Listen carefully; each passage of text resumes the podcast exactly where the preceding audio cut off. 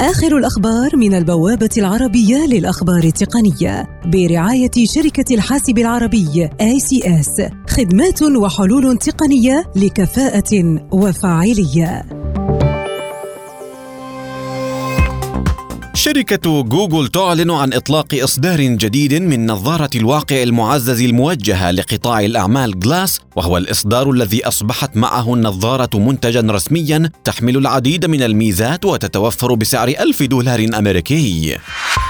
باحثو الذكاء الاصطناعي في شركة جوجل العاملون مع مستشفى نورث ويسترن ميديسن يبتكرون نموذجا للذكاء الاصطناعي قادرا على اكتشاف سرطان الرئة من خلال الاختبارات بشكل أفضل من مختصي الأشعة البشريين بمتوسط ثمان سنوات من الخبرة. فيسبوك تعلن عن مبادرة جديدة تركز على استخدام بياناتها وتقنياتها لمساعدة المنظمات غير الربحية والجامعات العاملة في مجال الصحة العامة على رسم خرائط أفضل لانتشار الأمراض المعدية في جميع أنحاء العالم.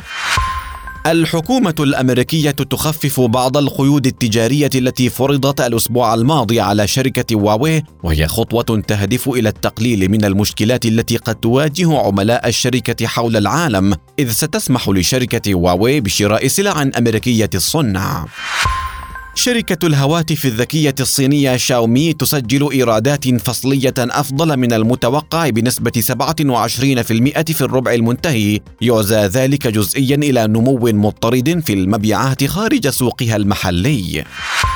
الإمارات العربية المتحدة تطلق أكاديمية الذكاء الاصطناعي الأولى من نوعها في العالم العربي. حيث تهدف إلى توفير برامج تعليمية وتدريبية في مجال الذكاء الاصطناعي لتعزيز قدرات الكوادر الوطنية للتعامل مع المتغيرات الوظيفية المستقبلية.